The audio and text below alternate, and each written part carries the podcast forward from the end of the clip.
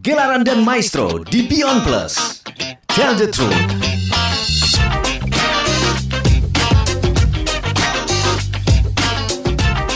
Sahabat musik, saya Heru Cahyono di Gelaran dan Maestro di Beyond Plus.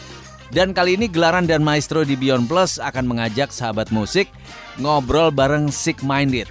Sick Minded ini salah satu grup musik rock di Indonesia. Nah, bagaimana sejarah terbentuknya Sick Minded dan juga single-single terbaru mereka apa? Nanti kita akan ngobrol bareng. Jadi simak terus Gelaran dan Maestro di Beyond Plus.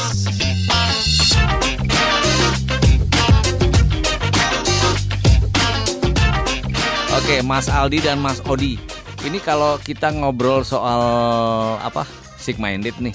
Ada yang belum tahu kira-kira uh, sejak kapan sih Sick Minded ini uh, muncul di Belantika Musik Rock Indonesia? Sick Minded itu sebenarnya udah cukup lama mas ya sebagai okay. band itu hmm. mungkin uh, separuh hidup saya tuh udah udah udah ngurusin Sick Minded gitu. Jadi uh. Uh, dibikinnya sih itu tahun 93 sebenarnya hmm. udah lama. Hmm. Tapi uh, waktu itu saya kebetulan dengan dengan uh, founding membernya Mas Rudi Sujarwo yang mungkin Mas Mas Heru tahu dia sebagai ya, betul, betul. film ya. Hmm. Larinya itu, ke film um, ya. Ya, hmm. jadi waktu itu kami sedang kuliah di Amerika. Jadi tahun Betul. 93 tuh kami kuliah.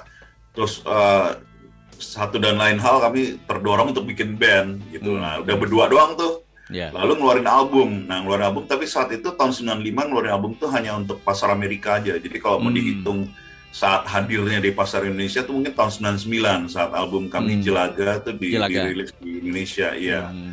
Um, lalu ya eh, berjalanlah waktu ya. Kita sempat ber, bertiga juga. Hmm. lalu sempat um, sempat namanya uh, Rudy sempat nggak aktif juga sampai hmm. saat tahun 2006 waktu saya kembali ke Indonesia tuh tadinya saya mau mau jalanin segmen itu lagi nih gitu. Hmm. mau bikin materi lagi lah uh, setelah saya sendirian ngerjain band itu Lalu tapi saya akhirnya di menjadi frontman band Getah ya kebablasan nah. tuh tahun 2006 sampai tahun bareng 2000, bareng Tio ya Mas? Tio Nugros ya bareng Tio Nugros Getah, uh, getah. Jadi saya masuk ke ke Getah itu setelah Tio Nugros keluar oh, malah gitu. Uh, dia, nah dia gabung Dewa dia gabung Dewa. Tapi hmm. lucunya juga sebelum dia gabung Dewa dia sempat ngedramin Toxic Minded waktu Uish. kami live. gitu. Ya itu itu aja sih muter-muter. Nah kita kalau ngomongin ngomongin uh, musisi itu kayak gitu ya muter-muter gitu ya. Ya itu itu aja mas, konco-konco aja. Aduh. Iya. Kalau kalau Mas Odi kan dari awal ya, dari awal, ya. dari awal. Kalau Mas Aldi? Um, kalau saya itu baru bergabung Sigminded 2019 akhir kali ya. Jadi 2019 ya. Iya, hmm. jadi waktu itu uh, memang saya udah kenal sama Odi. Hmm. Saya juga udah kenal sama Marcel. Dulu uh, pas Odi jalan sama Geta, saya juga hmm. suka dulu saya juga masih ada band juga, hmm. suka jalan bareng. Hmm. Uh, pas waktu 2019 diajak ketemuan sama Odi sama Marcel. Hmm. Dan memang saya udah dengar segmented dari, dari lama dari kakak saya gitu oh. kan. Uh, nah, terus udah kayak gitu pasti kasih tahu di diceritakan memang seleranya saya uh, saya, saya juga suka musik elektronik industrial itu hmm. di ngobrol-ngobrol ditawarin masuk hmm. uh, uh, waktu itu di, diajak diajaknya main gitar karena dulu di band saya yang sebelumnya saya nyanyi sama main gitar cuman saya bilang sama mereka saya main bass aja boleh nggak gitu kan eh masih dipercaya jadi pemain bass gitu kan nah terus udah dari situ saya masuk hmm. oke berarti 2019 akhir ya 2019 yeah. akhir. saya nyari nyarinya gitaris tuh mas Oh. Nyari gitaris sudah seneng aja nih wah Aldi nih jadi gitaris yang dari lama. Tapi selama eh pas diajak diajak malah main malah, mintanya main gas oh ya udah cari gitar. Tapi selama dari awal pembentukan memang nggak pakai gitar mas? Pakai, jadi oh, waktu masih... hanya berdua aja dengan hmm. Rudy itu hmm. uh, dia main gitar, main drum machine, saya yang bikin di bagian komputernya lah sampling segala macam gitu. Mm -hmm. Oke. Okay. Uh uh, asal tahu aja nih, uh, mungkin yang dimaksud Mas Odi itu Rudi Sujarwo pasti udah pada kenal tuh salah satu film yang uh, debutnya itu di AADC ya Mas ya? Betul. Ya itu. Ada apa? Ada apa dengan Rudi? Oh bukan. Ada apa dengan cinta? ada, ada apa dengan Chick Minded? Ya. Oke. Uh, kira-kira kegiatan Sick Minded apa sih sekarang kesibukannya? Uh, Aldi jawab. Uh, Oke. Okay jadi uh, sekarang sih kita terus terang um, kita lagi mempersiapkan materi baru uh, dari dari sisi musiknya. Jadi kan uh, semenjak jadi format uh, ber, berlima inilah sekarang yep. uh, Mas Rudi mungkin sekarang juga lagi tidak aktif ya. Mm-hmm. Uh, Marcel juga selain jadi drummer uh, kebetulan juga sebagai produser kan. Yep. Nah dari dari dari 2019 sejak kita kumpul itu kan kita banyak uh, uh, remastering atau reimagining dari lagu-lagu existing Sick Minded ya. Tapi sekarang mm-hmm. selama itu pun juga setiap orang tuh juga kita juga lagi uh, punya materi baru. Jadi mm-hmm. untuk ke depannya dari sisi dari sisi bandnya. Ya. Kita lagi siapin materi-materi baru untuk ya ya uh, insya Allah tahun ini keluar ya. Hmm. Katanya dan ada bisa, dan, single baru nih. Uh, just, ada, ya. Just Nadede. Eh, hmm. bener ya? Just Nadede ya? Iya. Nah. Oke. Okay. Sama sama latihan uh, sama kita mulai sering latihan offline kan. Oke, okay, oke. Okay. sama manggung offline itulah. Itu juga harapan kita. Hmm. Nah, ini kalau Just Nadede ini single single baru ya, Mas ya? Kalau beberapa waktu lalu kan sempat merilis ulang Jelaga itu ya. Tahun 2020 ya. itu kan sempat di Betul. itu di aransemen kembali atau bagaimana itu, Mas Odi, yang Jelaga itu? Kalau album Jelaga itu uh, lagu Jelaga 2020 sama hmm. Trigger Dance itu hmm. di aransemen ulang di oleh kami. Hmm. Uh, tapi ada lagu juga uh, ada lagu baru seperti Peace Within sama hmm. uh, Save Your Kiss. Yep. Uh, lalu uh, sisanya itu lagu-lagu yang kami mixing dan mastering ulang mas hmm. gitu hmm. lalu juga di tahun 2020 juga kami ngeluarin mini album juga judulnya hmm. itu Jelaga X 2020 okay. itu materi-materi pokoknya dari album-album yang sebelumnya lah ada yang kita uh, arrangement ulang ada yang kita mastering ulang seperti itu Hmm. Nah, kalau Just Another Day ini yang kami rilis di uh, pertengahan Desember lalu, hmm. sebenarnya ini juga lagu lama, lagu okay. tahun 95 lah saya bikin gitu ya. Hmm. Cuman hmm uh, kemarin itu lagi ngobrol-ngobrol, eh kita tutup tahun uh, rilis apa nih gitu ya. Hmm. Uh, kalau materi-materi baru kebetulan memang kayak, kayak seperti Aldi bilang tadi udah ada terkumpul gitu. Cuman kayaknya ah, jangan buru-buru deh materi baru tuh nanti untuk 2022 aja deh. Gitu. Okay. Kita nutup 2021 Oh. Kita rilis satu lagu yang kebetulan kita pilih karena banyak uh, teman-teman yang yang fans Mandate lama yang memang suka lagu ini. Hmm. Nah ini lagu ini di di arrangement ulang lah oleh Marcel. Hmm. Uh, jadi beda sekali, hmm. uh, nuansanya beda, jadi lebih dark wave ya, yeah. uh, gitu. Dan um, saya ganti juga sebagian liriknya menjadi lirik bahasa Indonesia seperti hmm. itu. Yang yang Just Another Day ini? Yes, Just Another okay. Day ini mas. Ini Just Another Day lagu tentang apa sih mas? Cerita tentang apa nih? Kalau secara liriknya sebenarnya uh, ini pengal saya ambil dari pengalaman pribadi ya hmm. tentang kesehatan mental mas sebenarnya. Jadi okay. tentang bagaimana uh, apa namanya depresi itu bisa bisa mendorong orang untuk berpikir yang sangat sangat gelap lah ya, termasuk hmm. salah satunya untuk uh, bunuh diri seperti itu. Hmm. Jadi saya lihat karena sejak pandemi ini kan uh, masalah kesehatan mental itu kadang-kadang luput kita perhatikan gitu ya, ya dari diri betul, kita atau teman-teman kita gitu. Jadi hmm. saya pikir uh, liriknya masih relevan dengan saya hmm. sharing apa yang saya pernah alami dan sebenarnya kita uh, mengajak sih teman-teman dan, dan lingkungan tuh untuk lebih empati untuk orang-orang yang sedang menghadapi menghadapi masalah uh, mental seperti hmm. itu, bang. Sedang menghadapi banyak inilah kesusahan gitu ya. Jadi kita lebih empati, lebih memperhatikan hal-hal um, kecil yang bisa kita lakukan itu bisa menolong. Kira-kira uh, lirik lagu tentang seperti itu. Seperti. Nah, ini kalau pembuatan uh, lirik lagu ini biasanya inspirasinya dari mana saja sih, Mas? Kalau selama ini yang dibuat oleh Sick Minded. Oke. Okay. Uh, kebetulan kalau lirik lagu itu uh, saya semua yang tulis. Jadi okay. lebih banyak memang benar dari dari pengalaman pribadi, hmm. observasi pribadi, Mas, atau memang uh, opini pribadi saya tentang uh, apa ya?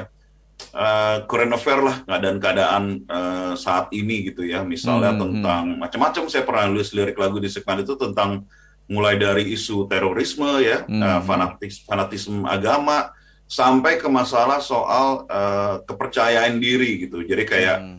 saya pernah nulis lagu judulnya ketidaksempurnaan liriknya itu gara-gara saya ngelihat waktu saya pulang ke Indonesia saya ngeliat kok banyak banget iklan uh, di TV ya tentang obat pemutih kulit gitu ya. hmm, ya, yang ya, ya, seakan-akan ya. membuat wanita-wanita terutama wanita Indonesia tuh kadang-kadang hmm, mereka hmm. dibikin seakan-akan kayak mereka malu karena kulit mereka gelap padahal uh, wanita Asia kan kulitnya memang gelap gitu ya Indonesia gitu kenapa dibikin seakan-akan itu memalukan nah itu saya protes saya lah yeah. protes saya sebagai bentuk protes saya tulis uh, lirik lagu itu judulnya ketidaksempurnaan seperti itu mas betul tapi sebenarnya kalau yeah. memilih uh, ini paling banyak yang uh, menciptakan lagu Mas Odi ya selama ini?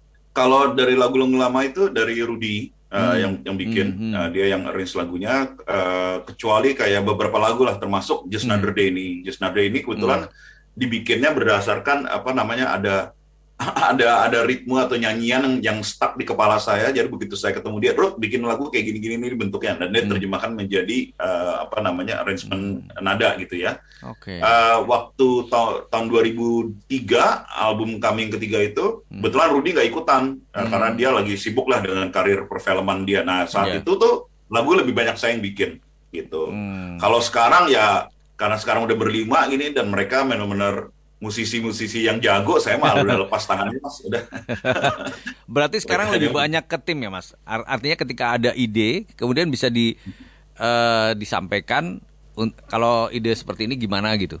Iya benar. Hmm. jadi memang um, pada pertama kali konsep pertama awal dibuat itu memang kan Marcel kita tunjuk sebagai produser ya jadi dia hmm. biasanya ada konsep awal tapi semakin kita uh, sering ketemu, kita sering jamming, kita sering sharing ideas, hmm. semua orang tuh bisa datang dengan konsepnya sendiri-sendiri terus dirembuk bareng hmm. dan jadi satu bentuk kolaborasi yang baru karena uh, pertama awalnya sih agak agak bukan bu, bukan terpaksa, cuma karena keadaannya pandemi kan namanya lockdown kan. Ya, ya. Jadi ya kita juga akhirnya kita cari akal, kita bikin grup WhatsApp, kita bikin grup Telegram, kita hmm. sharing lagu lewat Google, hmm. uh, Google Drive, sampai akhirnya kita sekarang sudah uh, proses mixing, hmm. mastering bisa remote secara bersamaan gitu.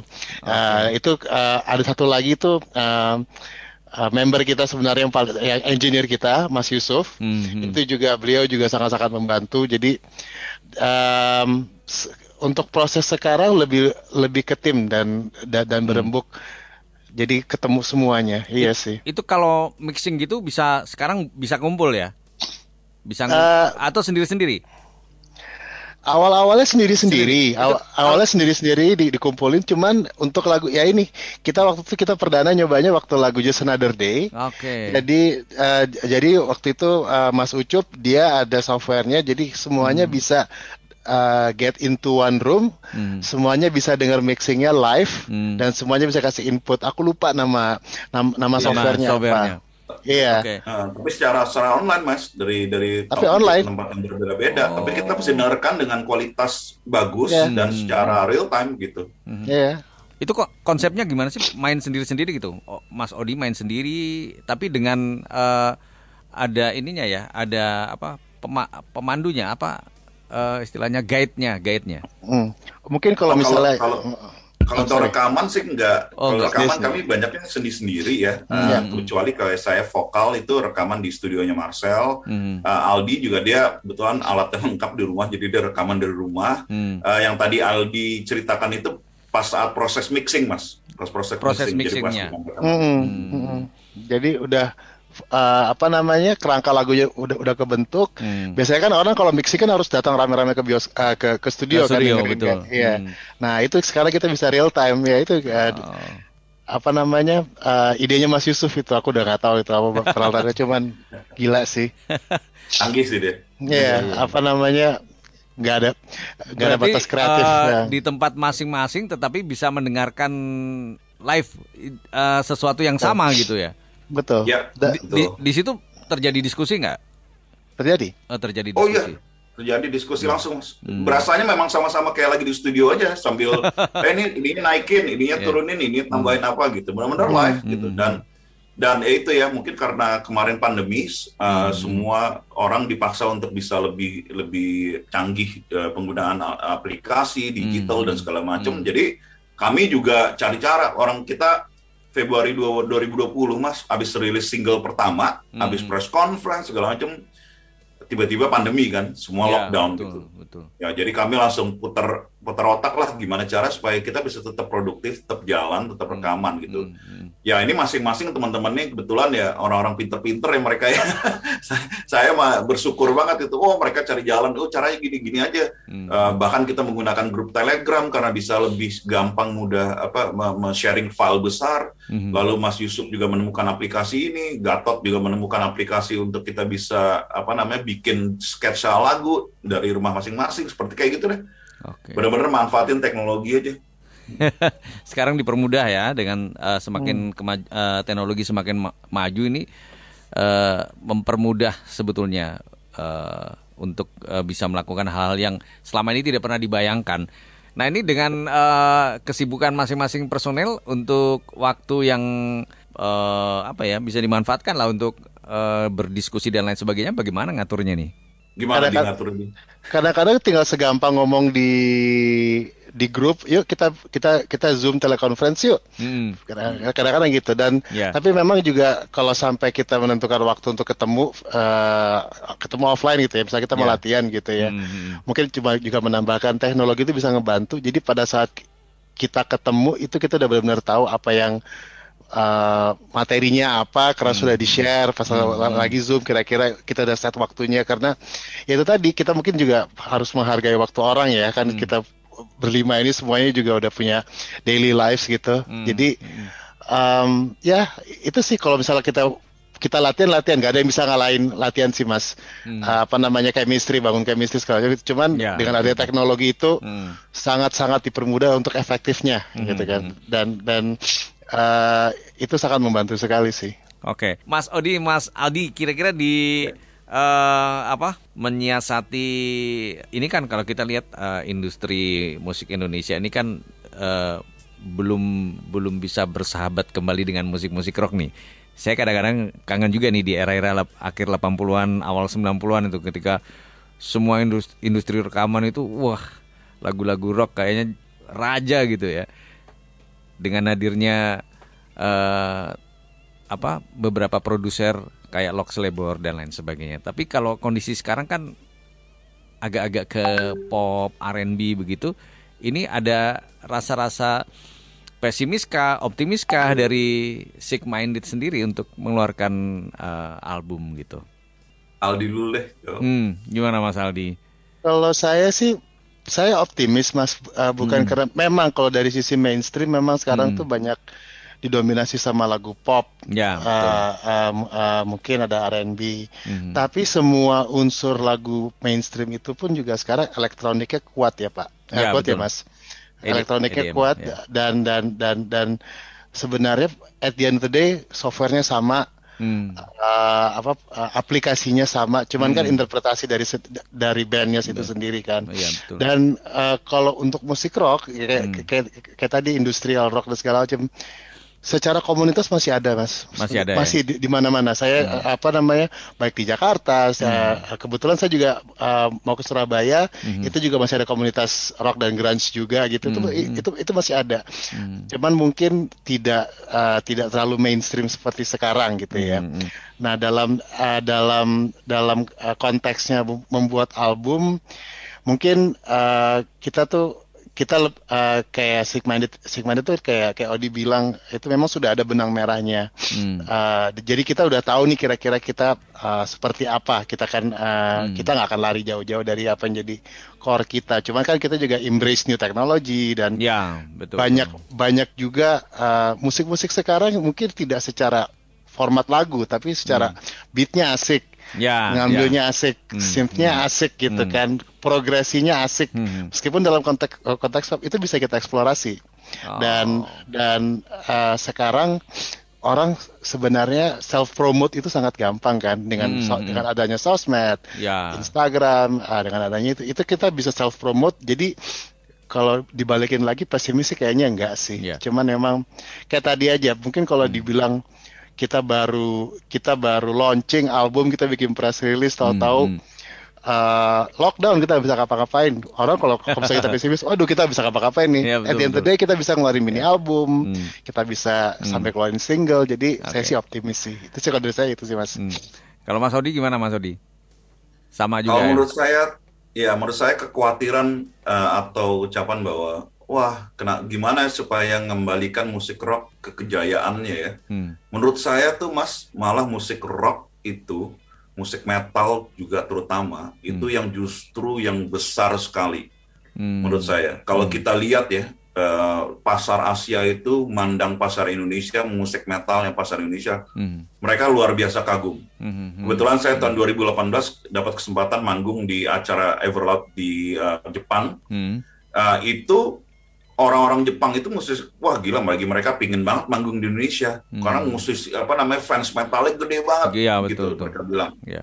bukan main itu nah jadi artinya menurut saya musik rock itu akan selalu ada mungkin hmm, dia hmm. yang Aldi bilang tadi musik rock yang tadinya uh, apa namanya side stream itu malah jadi mainstream gitu betul, Uh, kalau kita lihat bahkan tahun ini gitu eh tahun 2021 kemarin ya hmm. band metal dari Garut tiga orang wanita muda dari Garut, Voice of Baca Prot, hmm. band metal mereka. Hmm. Mereka bisa manggung keliling Eropa. Di saat hmm. pandemi, hmm. tiga cewek masih muda, Mas. Bayang nggak? Hmm. Mereka bisa manggung di Eropa. Kalau itu bukan salah satu tanda bahwa musik rock Indonesia itu masih berjaya, saya nggak tahu deh tanda lain apanya hmm. gitu ya. Hmm. Band kayak Dead Squad misalnya, gitu. Yeah. Ya. Segitu besarnya fans mereka, mereka bisa hmm. kolaborasi lintas genre dengan Isyana misalnya. Hmm. Uh, apa namanya dari Solo sendirilah uh, apa uh, Down for Life Down lah for life, gitu. Ya. Bisa bikin acara Rockin Solo hmm. gitu. Gimana gimana nggak gilanya gitu ya acara musik metal kita Hammer Sonic contohnya juga salah satu hmm. hmm. acara musik metal yang ditunggu sama band-band gitu band-band gitu. Hmm. Jadi musik rock itu menurut saya sih it's always there. Yeah. Ya. Uh, kalau kita bilang oh lebih banyak dinominasi oleh musik pop, jelas namanya aja musik pop, pop populer ya. gitu ya. populer, ya. ya. yang yang aksesnya lebih bisa diterima oleh orang-orang hmm. gitu. Nah, ya. uh, ngomongin soal tentang misalnya elektronik industrial justru kami ya Sigmunded ini berinisiatif bikin sebuah gerakan namanya Industrial Tribe, Mas. Hmm. Kami mengumpulkan band-band elektronik industrial Indonesia hmm. dan kami akan rilis insya Allah uh, eh, CD kompilasinya itu bulan hmm. depan. Okay, gitu. Okay. Kami ngumpulin ada sekitar 10 uh, eh, band uh, elektronik industrial deh di hmm, Indonesia hmm. yang yang apa namanya yang, yang sudah sempat ngerilis album, hmm. ada yang udah reuni lagi gitu. Hmm. hmm. Jadi kami ingin uh, apa namanya nggak mau gembar-gembor gimana musik rock bisa hidup lagi enggak musik rock tuh masih hidup tetap masih hidup ya? gila ya? Gitu ya yang bisa bikin pala goyang itu musik rock berarti slogan rock never die itu tetap itu itu itu nggak bisa diganggu gugat ya artinya itu dan, dan ya. absolut itu mas ya.